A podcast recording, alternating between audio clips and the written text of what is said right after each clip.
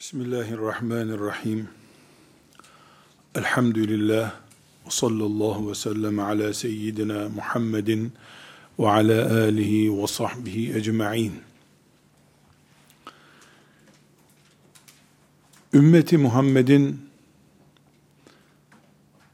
itikat açısından sakıncalı, sakınca oluşturan fırkalara bölünme sürecini konuştuk. İlk fırkalaşma hareketinin kaderi inkar ekolü olarak ortaya çıktığını, sonra haricilik ekolünün yani radikal İslam, İslam'ın orijinal yapısıyla oynama yetkisini kendinde görebilecek kadar uçlara taşmış anlayış demek oluyor haricilik. Bu ekolün çıktığını, bunların ardından da etkin ve büyük izler bırakmış bir ekol olarak Mu'tezile'nin çıktığını konuştuk. Mu'tezile e, yaklaşık olarak yarım asırlık bir zaman diliminde İslam tarihinin çok ağır faturaları ödenen olaylarına neden olmuş bir ekoldür dedik. Burada Mu'tezile'nin ne yaptığını konuşmadan önce bir dipnot niteliğinde açıklama yapmamız lazım. Ashab-ı kiram dönemi, Allah onlardan razı olsun, yaklaşık olarak bir asırlık bir dönemi temsil eder. Bu dönem, hiçbir itikadi mezhebin, fırkanın, ekolün oluşmadığı dönemdir. Ashab-ı kiramın içinde farklı görüşler sahibi olanlar vardı ama bunlar itikatla ilgili şeyler değildi. Birbirlerinin imanları hakkında tek bir kelime konuşmadılar. Böyle bir ekol de oluşmadı, çıkmadı. Örnek olarak da çıkmadı. Ashab-ı kiramın Allah onlardan razı olsun döneminin sonuna doğru bu tip ekoller onların dışındaki nesillerde sonradan Müslüman olup İslam toplumunun içine girenlerde bunlar çıktı. Ashab-ı kiram bu sebeple akidevi fırkalaşmaların sıfır olduğu bir toplumdur. Bu nedenle diyoruz ki, kıyamete kadar bütün Müslümanlar, İslam'ın deyim yerindeyse fabrika ayarlarıyla ayarlanmış nesli olan ashab-ı kirama dönmedikçe orijinal Müslümanlığı bulamazlar. Kim bu gruplaşmalardan insanların gelişi güzel Allah adına, peygamber adına konuşmasından rahatsız oluyorsa ashab-ı kirama dönmek zorundadır. Saf Müslümanlık, sorunsuz Müslümanlık ashab-ı kiramın döneminde vardır. Allah murad etmiş onları sorunsuz iman örneği insanlar olarak bırakmıştır. Onların döneminde ne hariciler, ne mu'tezile, ne de bir başkası ses çıkaramamıştır.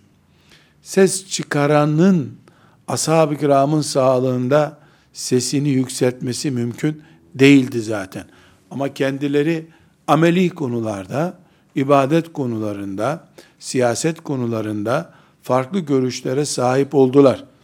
Kimse kimseyi de bu konuda ayıplamadı.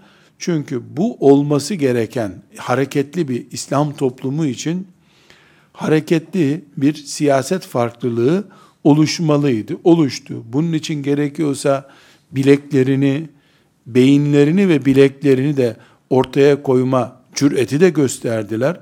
Bundan da Müslümanlık istifade etti yer yer. Ama daha sonraki nesiller ashab-ı kiramın bu kalitesini koruyamadan yaşadıkları için siyasi düşüncelerini akidevi fırkalaşmaya, gruplaşmaya doğru kaydırdılar. Allahu Teala ashabın izinden gidenlerden razı olacağına göre ehli sünnet vel cemaat diyoruz. Cemaat kimdir? Ashab-ı kiramdır. Sünnet kimdir? Resulullah sallallahu aleyhi ve sellem'dir. Ehli sünnet ve ehli sünnet vel cemaat ifadeleri Resulullah sallallahu aleyhi ve sellem ve ashabının yolundan gitmek demektir. Şimdi hem sen bir fırka kur, e, tabela kur, dernek kur, ondan sonra da ehli sünnetim de, kendi kendini inandırsın. Bir de ashab-ı kiramdan başka bir isim kullandın mı cemaat değilsin. Resulullah sallallahu aleyhi ve sellemin sünnetinden başka bir ekolü, bir destanı, bir bildiriyi kaynak edindiğin zaman senin hocanın, büyüğünün kitabını e, ana temel eğitim malzemesi yaptığın zaman ehli sünnetliğin dışında taşmış oluyorsun. Bukhari'den, Müslim'den başka, Riyazu Salih'inden başka temel kaynağın olmamalı. Onlara yardım, anlamaya yardım niteliğinde belki bir kitap yazabilirsin sen. Ehli sünnet ve cemaat olarak kalmak için. Bu notu özellikle e, düşmekte fayda buluyorum. Çünkü o kadar gruplaşma müptelası olduk ki neuzu billahi teala bizim acaba ashabtan hangi fırkaya mensubuz? Mesela bizim ekolümüz, vakfımız ashab-ı kiramdan kime dayanıyor? Ömer'e dayanıyordur herhalde. Diyeceğimiz kadar benimsemiş bulunuyoruz gruplaşmayı. Neuzu billahi teala. Allah muhafaza buyursun. Ashab-ı kiram böyle bir hastalıktan muaf yaşadılar. Allah lütfetti, onları korudu. Zira onlar akide konularında yani iman konularında hafif bir gruplaşma içinde olsalardı bugün Hristiyanların protestan, ortodoks filan diye ayrıldıkları gibi farklı İslamlar olurduk biz. Farklı zamanlarda hac eden Müslümanlar olurduk. Bir kısmımız Zülhicce ayında, bir kısmımız Muharrem ayında hac ederdi. Nauzu billahi teala. İslam'ın temellerine dikkat edin. Resulullah sallallahu aleyhi ve sellemin Medine'de öğrettiği İslam'ın temellerinde hiçbir Müslümanın ihtilafı yoktur. İhtilaf nerede var? Mutezile'nin oluşturduğu dedikodularda ihtilaf var. Mutezile'yi sapık mezhep olarak attılar, attık ama onların fikirleri üzerine şu mezhep, bu mezhep diye bin bir fırkaya bölünmüş halimiz var. Resulullah sallallahu aleyhi ve sellemin öğrettiği namazda bir sorun yok. Oruçta bir sorun yok. Allah kelimesinde bir sorun yok. Melek kelimesinde bir sorun yok. Nerede sorun var? Ee, Allah kelimesi Allahu Teala'nın Esma Hüsna'sının bir numarası mıdır, iki numarası mıdır gibi misal olsun diye anlatıyorum. Hiçbir sahabinin bilmediği, hiçbir sahabinin hayatta konuşmadığı şeylerden biri üzerine kuruldur. Şimdi birbirini tekfir eden, sapık, ehli sünnet değil, diyen insanların konuştuğu meselelere bakın, ashab-ı kiramın ağzından çıkmış meseleler değil onlar. Sonra felsefenin gereği, Müslümanlar dinlerini felsefe üzerinden anlamaya başlayınca, gündeme gelmiş konular hepsi. Ne yazık ki. Yani bu memnun olacağımız bir şey değil. Rabbim İslamiyeti hakkıyla yaşamamızı istiyor. O hak ashab-ı kiramın yaşadığı sistemdir. Daha sonraki anlama gayretleri ashab-ı kiramı üst çizgi olarak aşmayı gerektirmiyor. Misal olsun diye anlatmak istiyorum. Ben çocukluğumdan beri babamdan Maturidi mezhebindeniz biz diye öğrendim. Maturidi mezhebinin de ilkeleri şudur diye öğrendim. Kendimi tarif ederken İmam Maturidi'nin çizgisinde bir Müslüman olarak kendimi tarif ediyorum. Ama Ebu Bekir radıyallahu anh'ın Ömer radıyallahu anh'ın Abdullah İbni Mes'ud radıyallahu anh'ın aşılabileceği bir maturidilik reddettiğim maturidiliktir. Yani mezheplerimiz, ekollerimiz, alimlerimiz, müştehitlerimiz ashab-ı kiramın talebesi durumunda olabilirler.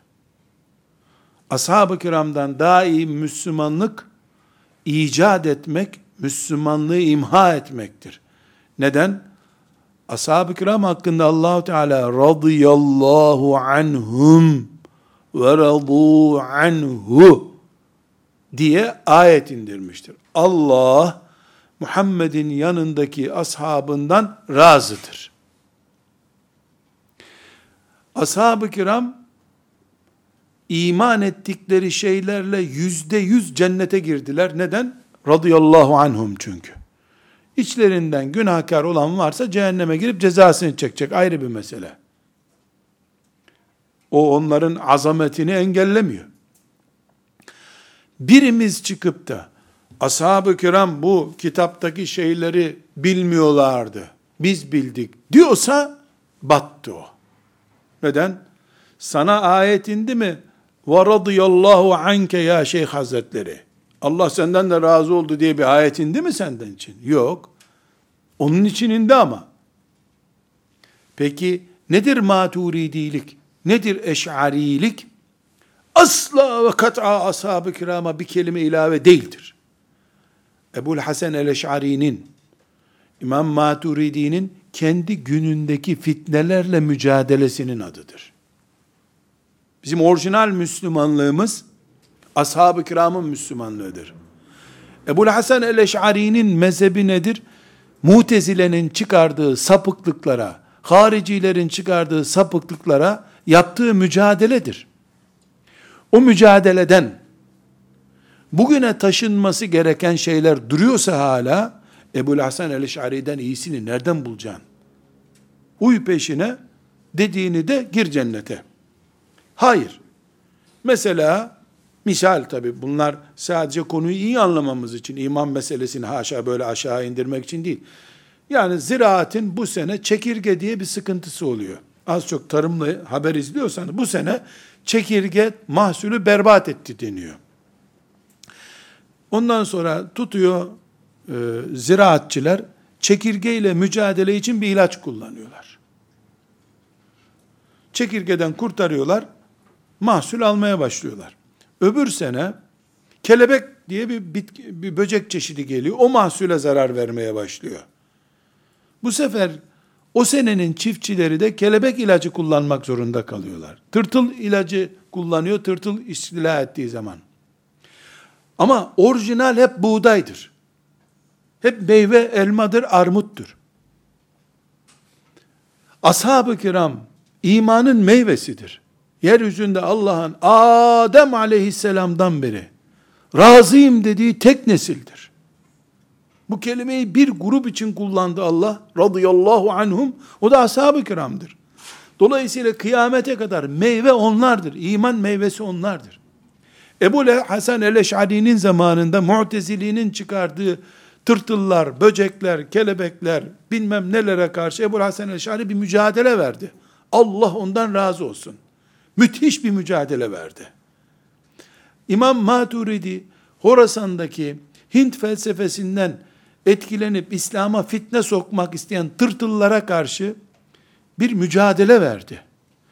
O mücadeleden dolayı İmam Maturidi bir ekol oldu. Rahmetullahi aleyh. Bu mücadeleden dolayı Ebu Hasan el-Eş'ari bir ekol oldu. Rahmetullahi aleyh. Bugün onların zamanının tırtılları, kelebekleri, neyse tarımımıza zarar veren devam ediyorsa İmam Maturidi'den biz alacağız demektir. Ama yine ashab-ı kiramın peşindeyiz. Ashab-ı kiramın üstüne çıkardığımız herkes sapıktır, batıldır. Çünkü onların kendilerinin böyle bir derdi yoktur. Ebu Hasan el-Şari'nin böyle bir derdi yoktur. Allah'ın mücahit kullarından birisi. Bırakın ashab-ı kiramı peşinden gelin dememiştir. Fitneler, tırtıl fitnesi var. Elma yetiştiremiyorsun, tam elmalar olacak, tırtıl bitiriyor elmayı. Filan böcek bitiriyor. Onlara karşı bir ilaç geliştirmiş. Yaptıkları budur. Akideye ilave değildir. Ama diğer ekoller, mutezile, haricilik, akideye ilave yapmak istemişlerdir. Biraz sonra göreceğiz. Hariciliğin peşinden hemen gelen mutezile hareketi, İslam'ı yeni versiyonuyla ortaya çıkarmak istemiştir. Bu yüzden Mu'tezile'nin yaptığı şey Ebu Hasan el-Eş'ari'nin yaptığı şey değildir. İmam Maturidi'nin yaptığı şey değildir. Asla değildir. İmam Maturidi taarruz yapmamıştır. Müdafaa yapmıştır. Ama Mutezile'ninki bir taarruzdur. Saldırıdır. Savunma hareketi değildir.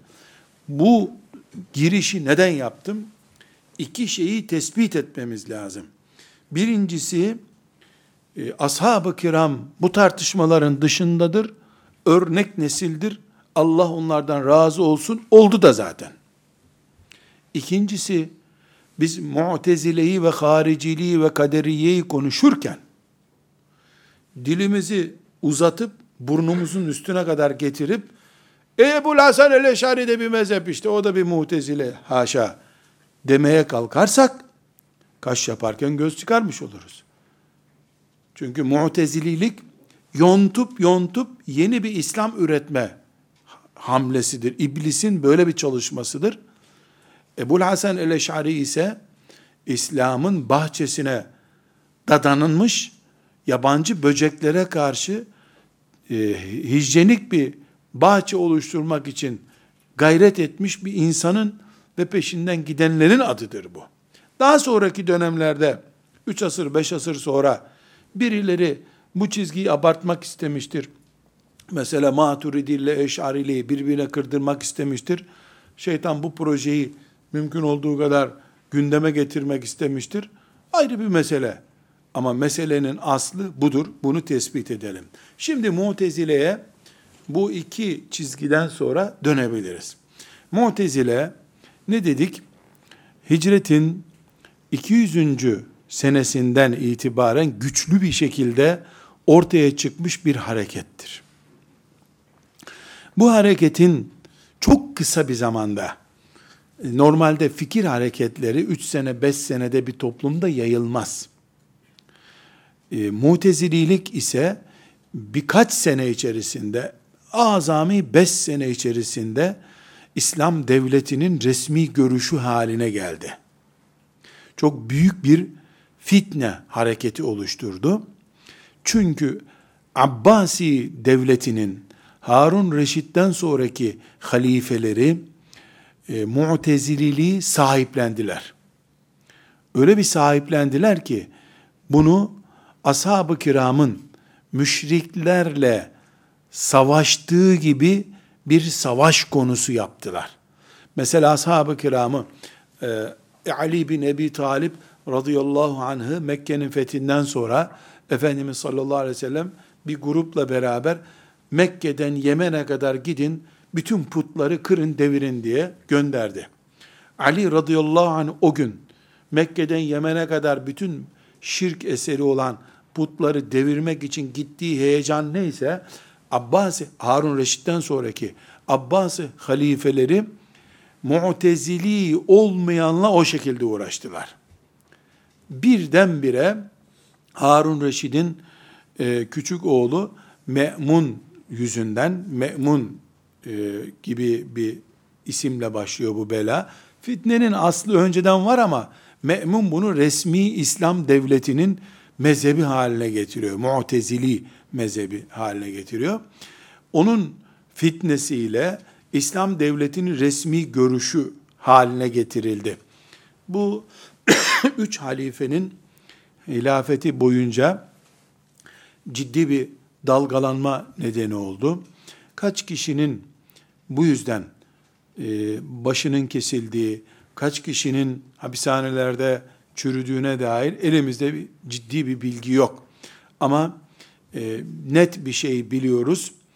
E, insanlar mu'tezili olmazsak ipe götürülürüz, boynumuz vurulur diye ciddi ciddi korktular. Tıpkı hilafet kaldırıldıktan sonra Kemalizmin e, uygulanma sürecinde ezanın yasaklanması gibi bir sıkıntı idi bu. Elbette e, daha sonra göreceğiz. Yani bir e, resmen İslam devletinin kafirler tarafından işgal edilmesi gibi bir olay değil bu. Şeytanın içeriden çıkardığı bir kurttu bu. Meyvenin içinde büyüdü bu kurt. Dışarıdan kargalar gelip meyveye dadanmadılar. O kargalar daha sonra Haçlı orduları şeklinde, Moğol orduları şeklinde geldi karga sürüsü. Bu tatlı elmanın içinde büyüyen böcekti bu. Mutezile hareketi, haricilik hareketi, kaderiye hareketi meyvenin içinde büyümüştür. Bu yüzden de Haçlılardan ümmeti Muhammed kurtuldu, temizlendi. Mutezililikten ve haricilikten hala temizlenemiyor. Çünkü elma büyüdükçe içinde kurt da büyüyor. Allah böyle bir imtihan süreci kullarının üzerinde görmeyi murad etti ve görüyor. Mutezililiğin en temel çıkış nedeni buraya dikkat ediyoruz. Sonuçlarından önce yani mutezililer ellerini şakaklarına koyup Vasıl bin Ata başta olmak üzere kurucu isim ellerini şakaklarına koyup ne yapmak istediler? Temel nokta şudur. Mutezile hareketi başlayana kadar ümmeti Muhammed'in ashab-ı kiramında tabi'in neslinde tebe'ut tabi'in neslinde ve onlardan sonra Harun Reşid'in hilafeti dönemindeki 20 yıl içerisinde bir cami kürsüsünde, bir medresede, bir çarşıda insanlar oturmuş muhabbet ederken, ayet ve hadis okunduğunda, bana göre ise cümlesini hiçbir Müslüman kullanmadı. Bana göre ifadesi yok. Bana göre deyimi yok. Akide konularında, ibadet konularında hiçbir alanda. Neden? Ayet varsa, hadis varsa, bana göreyi küfür kabul ettiler. Ve nasıl sen Allah'ın yanında bir de bana göre diyeceksin. Bir ayet var, bir hadis var, bir de sana göre üçüncü, o zaman üçüncü bir Kur'an çıktı ortaya. Olur. Peki, bir parantez içi cümle, Ebu Hanife bana göre, Ebu Yusuf bana göre dediği dönem o dönem değil mi? O dönem evet. E hani bana göre sözü yoktu? Bir dakika. Ayetin olduğu bir konuda, hadisin olduğu bir konuda bana göre yok. Çünkü o konuları Allah kapatıyor. Konuşamazsınız bu konularda diyor.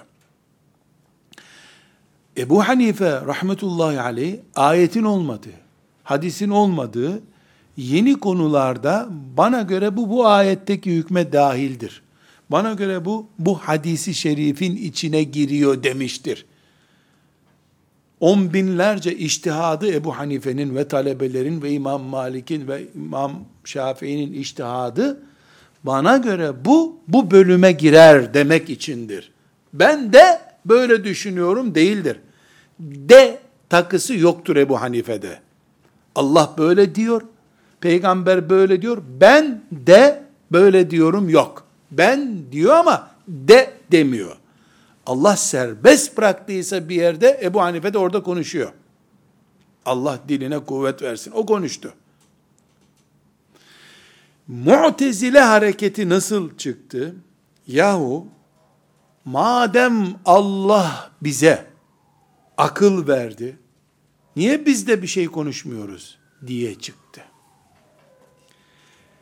Ebu Hanife'nin yaptığı Allah böyle diyorsa amenna. Peygamber böyle diyorsa amenna. Ashab-ı kiram böyle diyorsa amenna. Onlar bir şey demiyorsa ben böyle diyorum. Ebu Hanife'nin ki budur. Özet olarak tabi tasvir için anlatıyorum. Bunu böyle kitaplarda bulmak mümkün değil.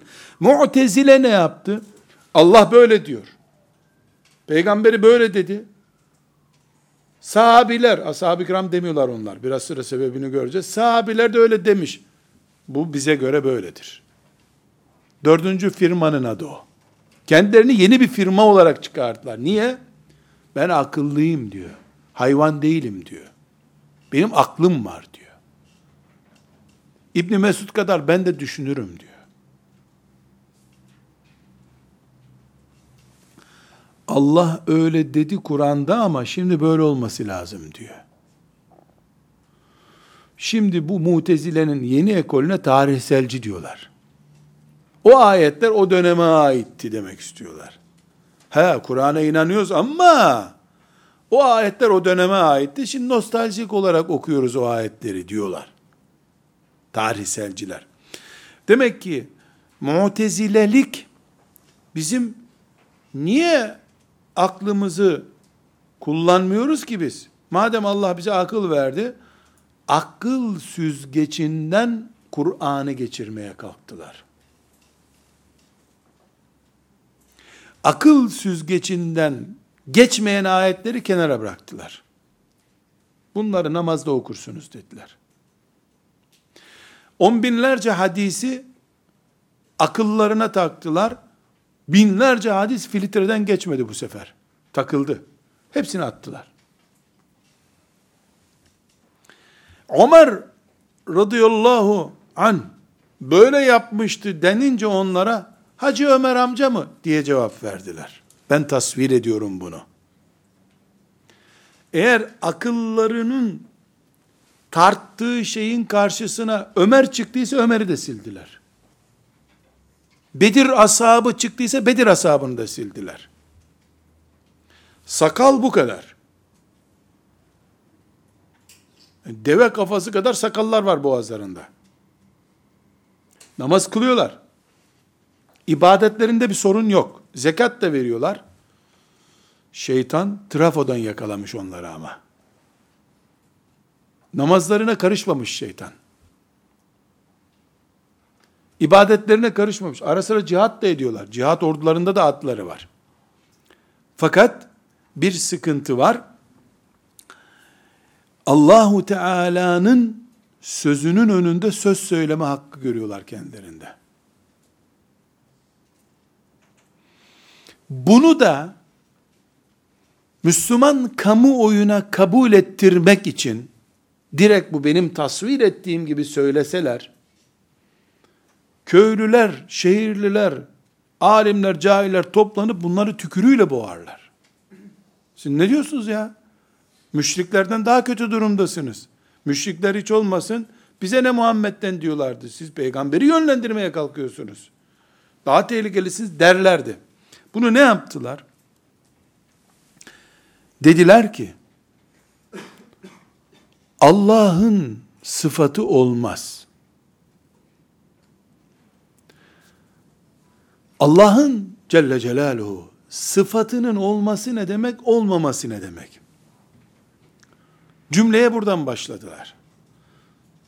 Şimdi biz Allah'ın sıfatı var derken mesela ne diyoruz? Allah konuşur diyoruz. Konuşmak Allah'ın bir sıfatıdır. Görür diyoruz Allah. Semi' basir diyoruz. Semi' ve basir yani Allah görüyor, duyuyor. Git lan sen ne yapıyorsun? Ne iş? Allah neye görsün, niye duysun diyorlar. Tabi iblis projeyi hazırlarken e o zaman bu günahları kim yazıyor diye sorulacağı onları meleklere yaptırıyor diyorlar. E meleklere Allah emrederken konuşmadı mı onlarla? İletişim kurdu diyorlar. Projenin içini doldurarak hazırlamışlar. Allah'ın sıfatı olmaz. Yani sıfat mesela benim sıfatım nedir? Şu anda konuşan bir hocayım. Konuşmak benim sıfatımdır. Elimi kaldırdım, indiriyorum. El hareketi olmak benim sıfatımdır. Niteliğim yani. Benim niteliğim var böyle. Bunlar bu sıfatlarını allah Teala'nın kökten kaldırdılar. Çoğu Kur'an'da geçiyor bunların. Hadisi şeriflerde geçiyor. Bu sebeple mutezile ile savaşan Ahmet bin Hanbel'in e, ekolü daha sonra selefilik olarak anılıyor. Ahmet bin Hanbel'le bu süreç Anti mutezilelik Ahmet bin Hanbel demek. Rahmetullahi aleyh. Hala Ahmet bin Hanbel'in başında bulunduğu selefilik anlayışında iman, ibadet, Müslümanlık sıfatlar konusuyla başlar. Çünkü mutezile aklı devreye koyabilmek için Allah'ın sıfatlarını kaldırdı. İsimlerini anlamsız hale getirdi. Er-Rahman, Er-Rahim isimleri bunlar yani dua için gibi algıladılar. Algılatmaya çalıştılar. Bu sebeple onlara taarruz eden, İslam'ı müdafaa eden Ahmet bin Hanbel, Allah'ın sıfatları konusunu ya Müslümansın ya değilsin diye gördüler. El hak ashab-ı kiram da öyle gördü ama tartışma yoktu ashab-ı kiram zamanında.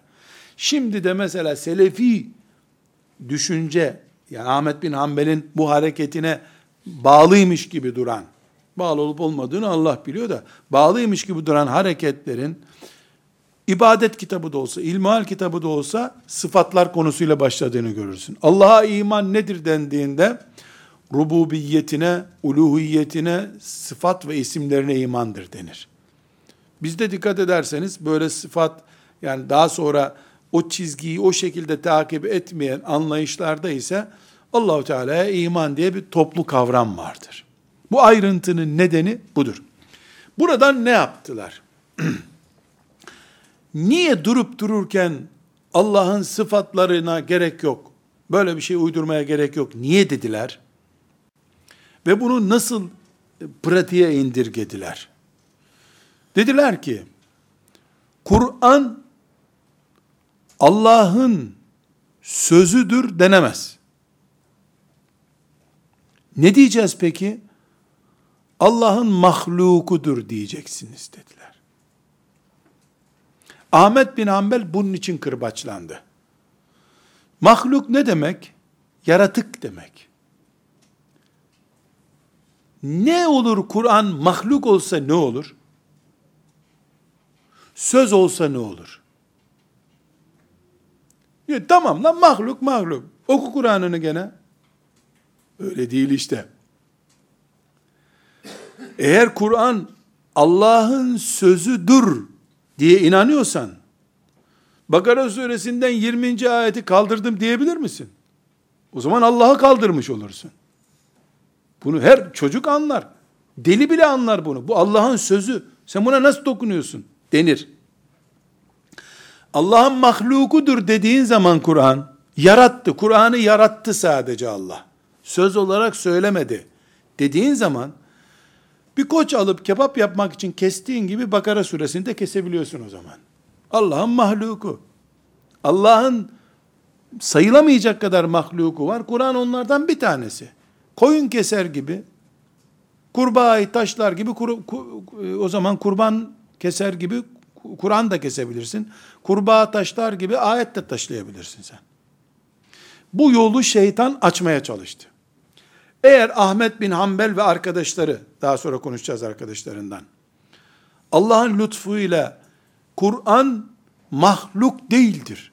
Allah'ın sözüdür hamlesinde başarılı olamasalardı eğer,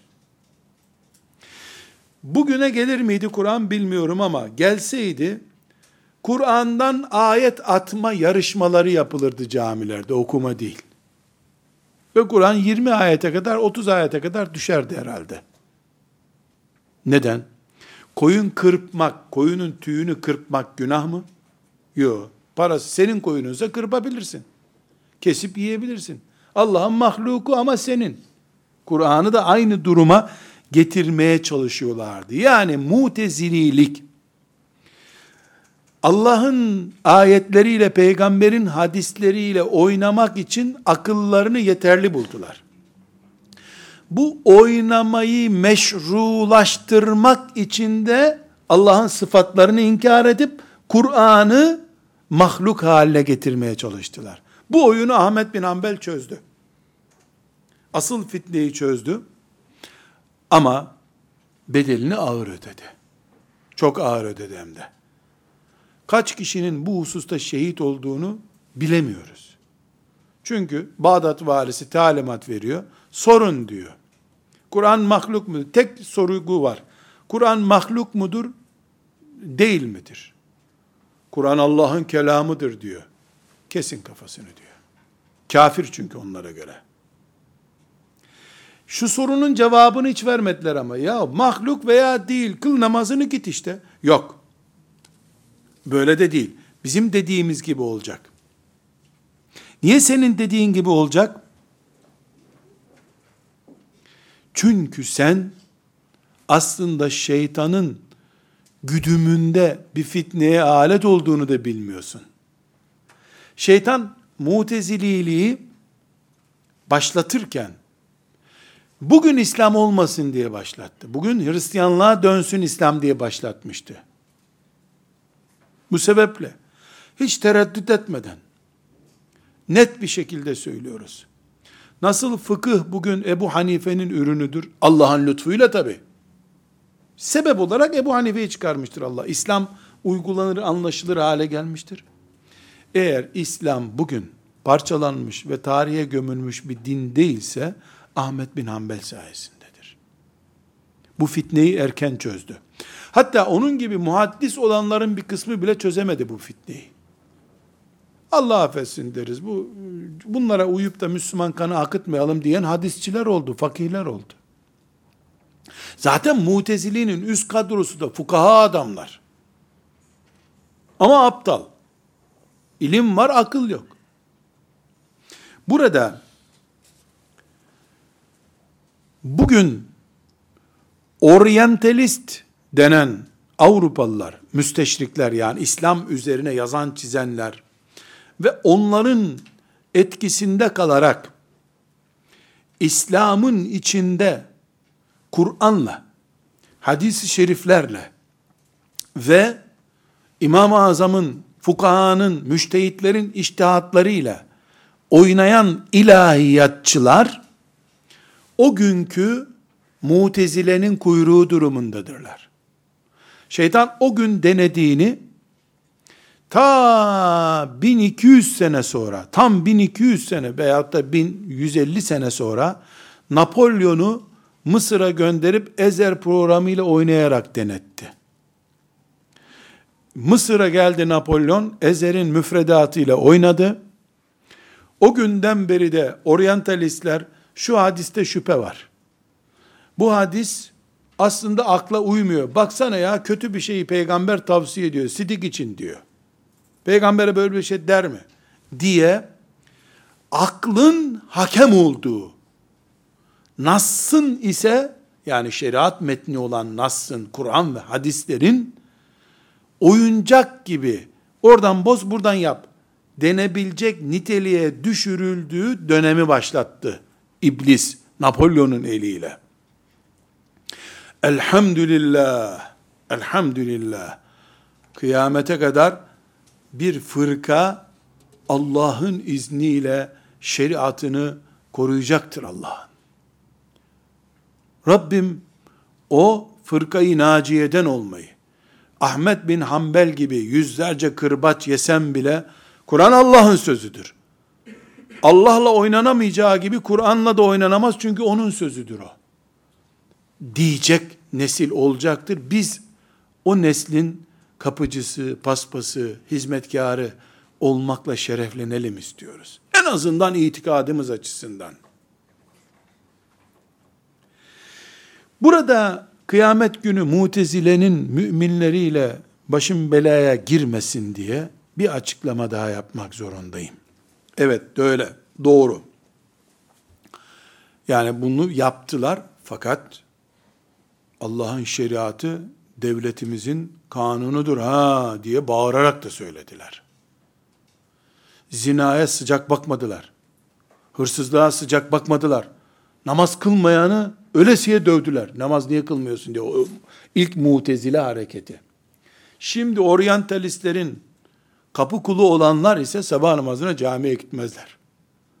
Mutezile'nin devamıdırlar ama namazsız, niyazsız devamıdırlar. Yani şimdikilerin imanından şüphe ediyorum. Etmek zorundayım. Ne biçim mümin bunlar derim en azından.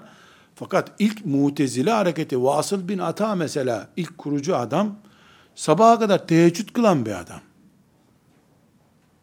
Ufak bir raydan çıktığı için battı gitti herif.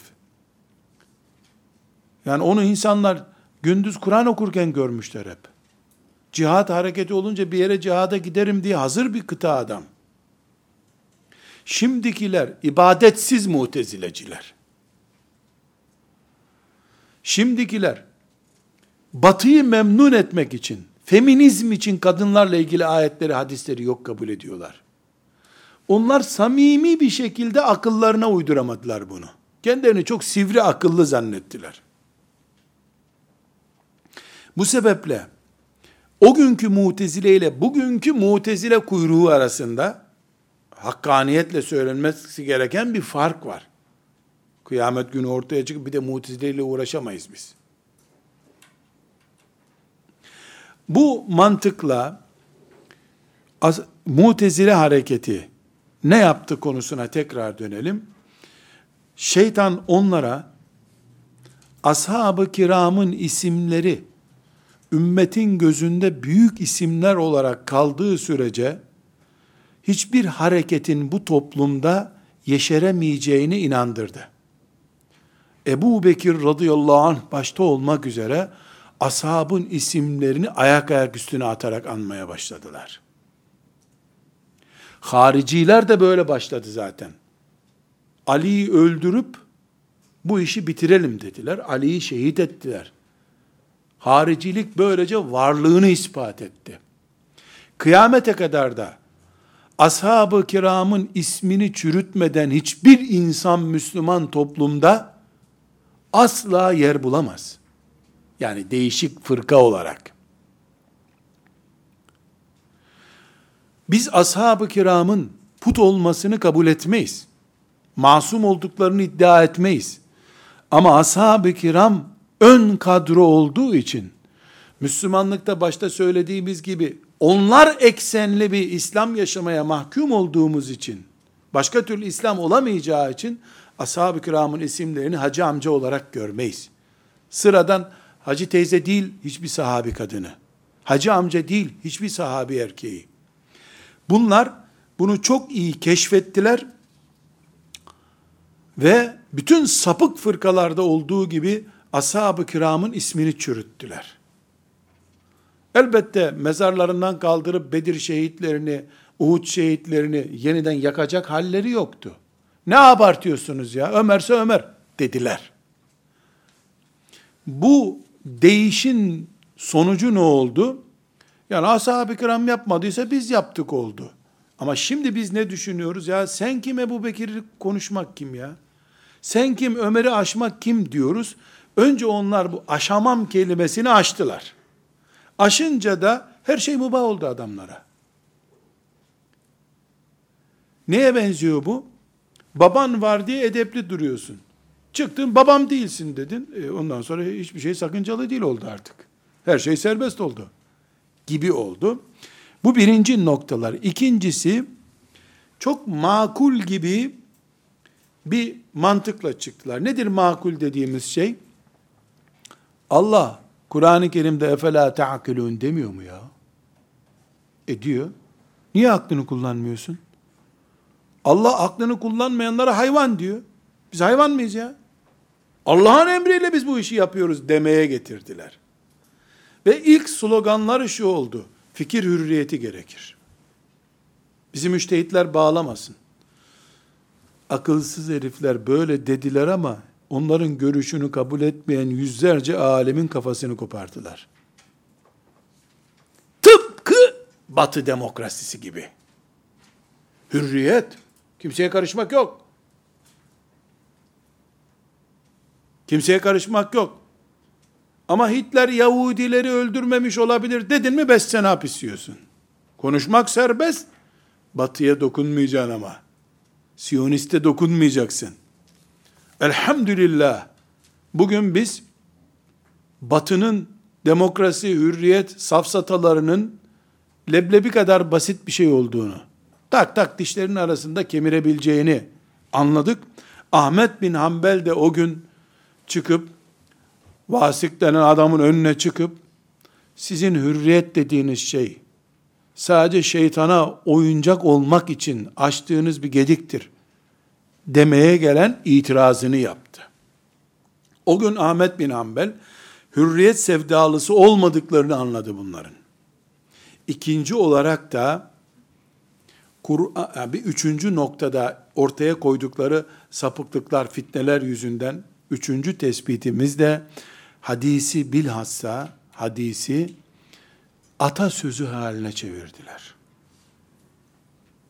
Bu hadistir demeye utandırdılar insanları. Neden? Tıpkı şimdiki gibi. Akla uyuyor mu? Yok. Mesela hadisleri Kur'an'a bakın uymuyorsa atın diye bir hadis onların döneminde uyduruldu. Kur'an'ı Allah'ın kitabıdır. Kur'an'ı korumak zorundayız. Bu hadis Kur'an'a ters düşüyor. Sil, sil, sil. Kur'an dediği onun aklı ama. Onun aklına ters düşen her şey Kur'an'a da ters düşüyor zaten. Düşündüler. Bu sebeple mütevatir haberleri bile inkar ettiler. Mütevatir olanı inkar edenine biz e, kafir diyoruz. Mutezilenin tamamı için kafir demiyoruz. Çünkü bir kampanya var ortada. Bu kampanyaya aldanarak girmiştirler diyoruz. Ama mütevatir haberi inkar ettiğine dair elimizde bilgi varsa birisi hakkında işine bak diyoruz. Hadislerle 5-10 sene istedikleri gibi oynayınca önlerine Kur'an-ı Kerim'i koydular bu sefer. Kur'an'ı da filtrelemeye başladılar derken Ahmet bin Hanbel'in zaferi Allah'ın lütfuyla geldi. Tam Kur'an'ı da 90-80 sureye belki indirecekleri bir zamanda allah Teala köklerini kuruttu. Şimdi görünen köy kılavuz istemez derler ya. O hadis kötü, bu hadis zayıf, bu hadisi Ebu Hureyre uydurmuş sözlerinin 20 sene sonrası eğer bir Ahmet bin Hanbel çıkıp bunları böyle çekirge sürüsünü ilaçla imha eder gibi imha etmezse inşallah bize nasip olur bu zafer. Ee, Kur'an'ı da masaya yatıracaklar. Ben Kur'an-ı Kerim'den 5-10 kelime anlayan birisi olarak, hadis-i şeriflerden 5-10 kelime anlayan birisi olarak söylüyorum. Hadislerde ayıp buluyorlar yani. Şeytanın aklına göre ayıp. La bu yakışmıyor ya. Kur'an'da onun 10 katı var. Akla hiçbir şeye uymayan, ya Allah kulunun aklına uyar mı? Ne zaman çıktı bu? Bir söz söyle ki, bu, bu ortada uygun bir söz olsun. Allah kulun aklına uyar mı ya? Kim kimi yarattı? Şefaat, kabir azabı, kıyamet günü mizan, terazi, havzu kevseri kökten inkar ettiler zaten. Böyle bir şey yok dediler. Dikkat edin, şimdi de aynı konular. Kabir azabı konusu hemen gündemden çıkıyor. Neden?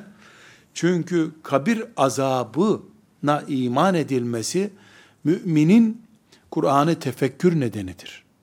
Sabah namazına cemaatle gitme nedenidir. Kabirden azabı kaldırdı mı iblis, buna inandırdı mı cehennemi de söndürür o.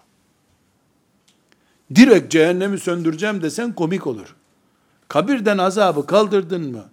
Mizanı kaldırdın mı? Amelleri tartmadın mı? Müminlerin umudu olan Havz-ı Kevser'i sildin mi? Şefaatle cenneti sildin mi? Cehennemi çoktan söndürürsün sen. iki tane yangın tüpüne bağlı o zaman.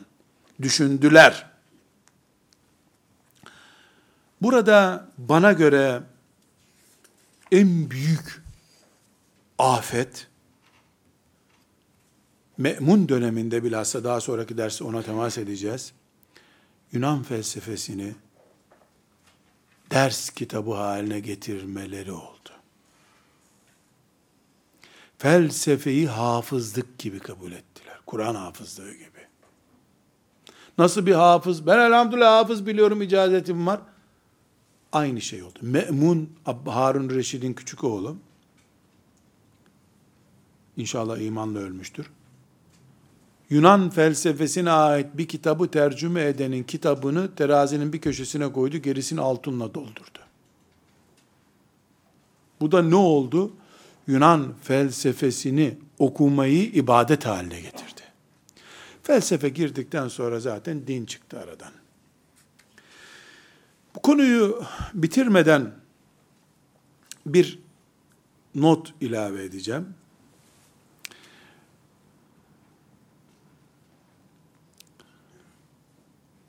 İbn Teymiye rahmetullahi aleyh Mutezile ile en yoğun savaşan kadrodan onlardan bir 500 sene sonra kadar geldi ama İb İbn Teymiye demek Şia ve Mutezile ile savaş ordusu demek. Ömrünü bu iki fırka için harcadı. Bilhassa Şia ile ilgili büyük reddiyeleri var. Ve özellikle de Mutezile'nin temel mantığı üzerine çok fazla etkisi var. Onun için de İbn Teymiye okuyanlar sıfat kelimesini, Allah'ın isimleri kelimesini çok yoğun duyarlar. Çünkü onun anlayışında İbn Mutezile'yi bu hale getiren sıfatlara iman zafiyetidir.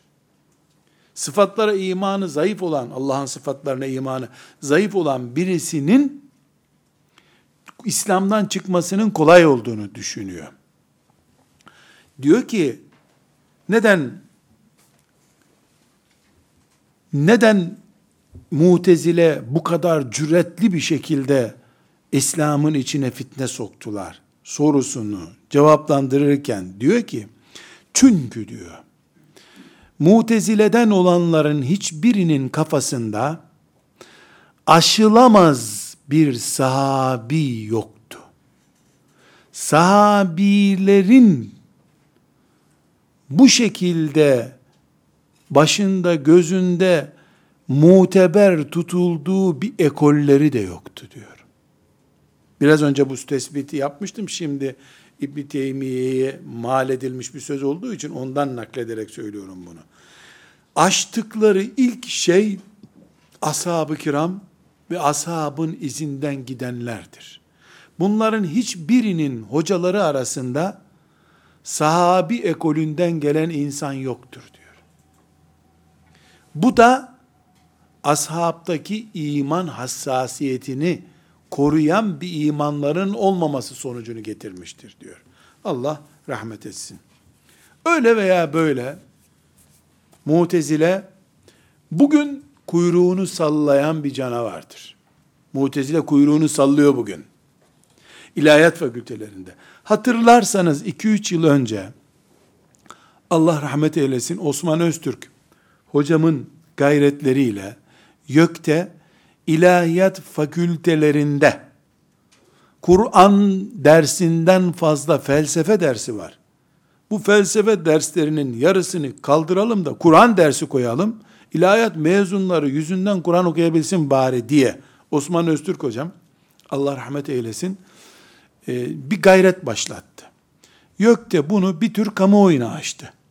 Yani ilahiyat fakültelerinde e, felsefe dersleri 10 saat ise 7 saate düşürülecek, 3 saatin yerine Kur'an konacak dendi. O günkü basın taranabilir. Öyle bir fırtına koparıldı ki, Resulullah sallallahu aleyhi ve selleme ve Bukhari'ye, Ayşe anamıza saldırıldığında, hala Diyanetten ve ilahiyatlardan o sesin onda birinin çıktığını görmüyorum. Felsefe azaltılsın sözünü kabul edemediler. Ebu Hureyre'ye uydurmacı sözü şu kadar senedir söyleniyor. Tek bir kelime cevap vermediler ama. Ayşe anamızı e, Resulullah'ın hanımına değil, sıradan bir kadına söylenmeyecek sözlerle anılıyor yıllardır. Tek bir kelime savunmadılar. Kur'an-ı Kerim tarihseldir diye ilahiyat fakültelerinde hangır hangır bağırılıyor. Bir kelime cevap vermiyorlar. Ama felsefe dersi yarıya azaltılsın da yerine Kur'an dersi konsun dendi. Bunu akıl tutulması olarak gördüler. Çünkü neden? Ellerindeki oyuncak gidince dinle oynayamayacaklar. Kur'an dersinden fazla felsefe dersi gören, ayrıntılarıyla şu bu şeyiyle felsefe dersi gören ilahiyat talebesinden şeriata ne hizmet olacak? Bunu iblis çok iyi biliyor, adamlarına da iyi inandırmış demek ki. Velhamdülillahi Rabbil Alemin.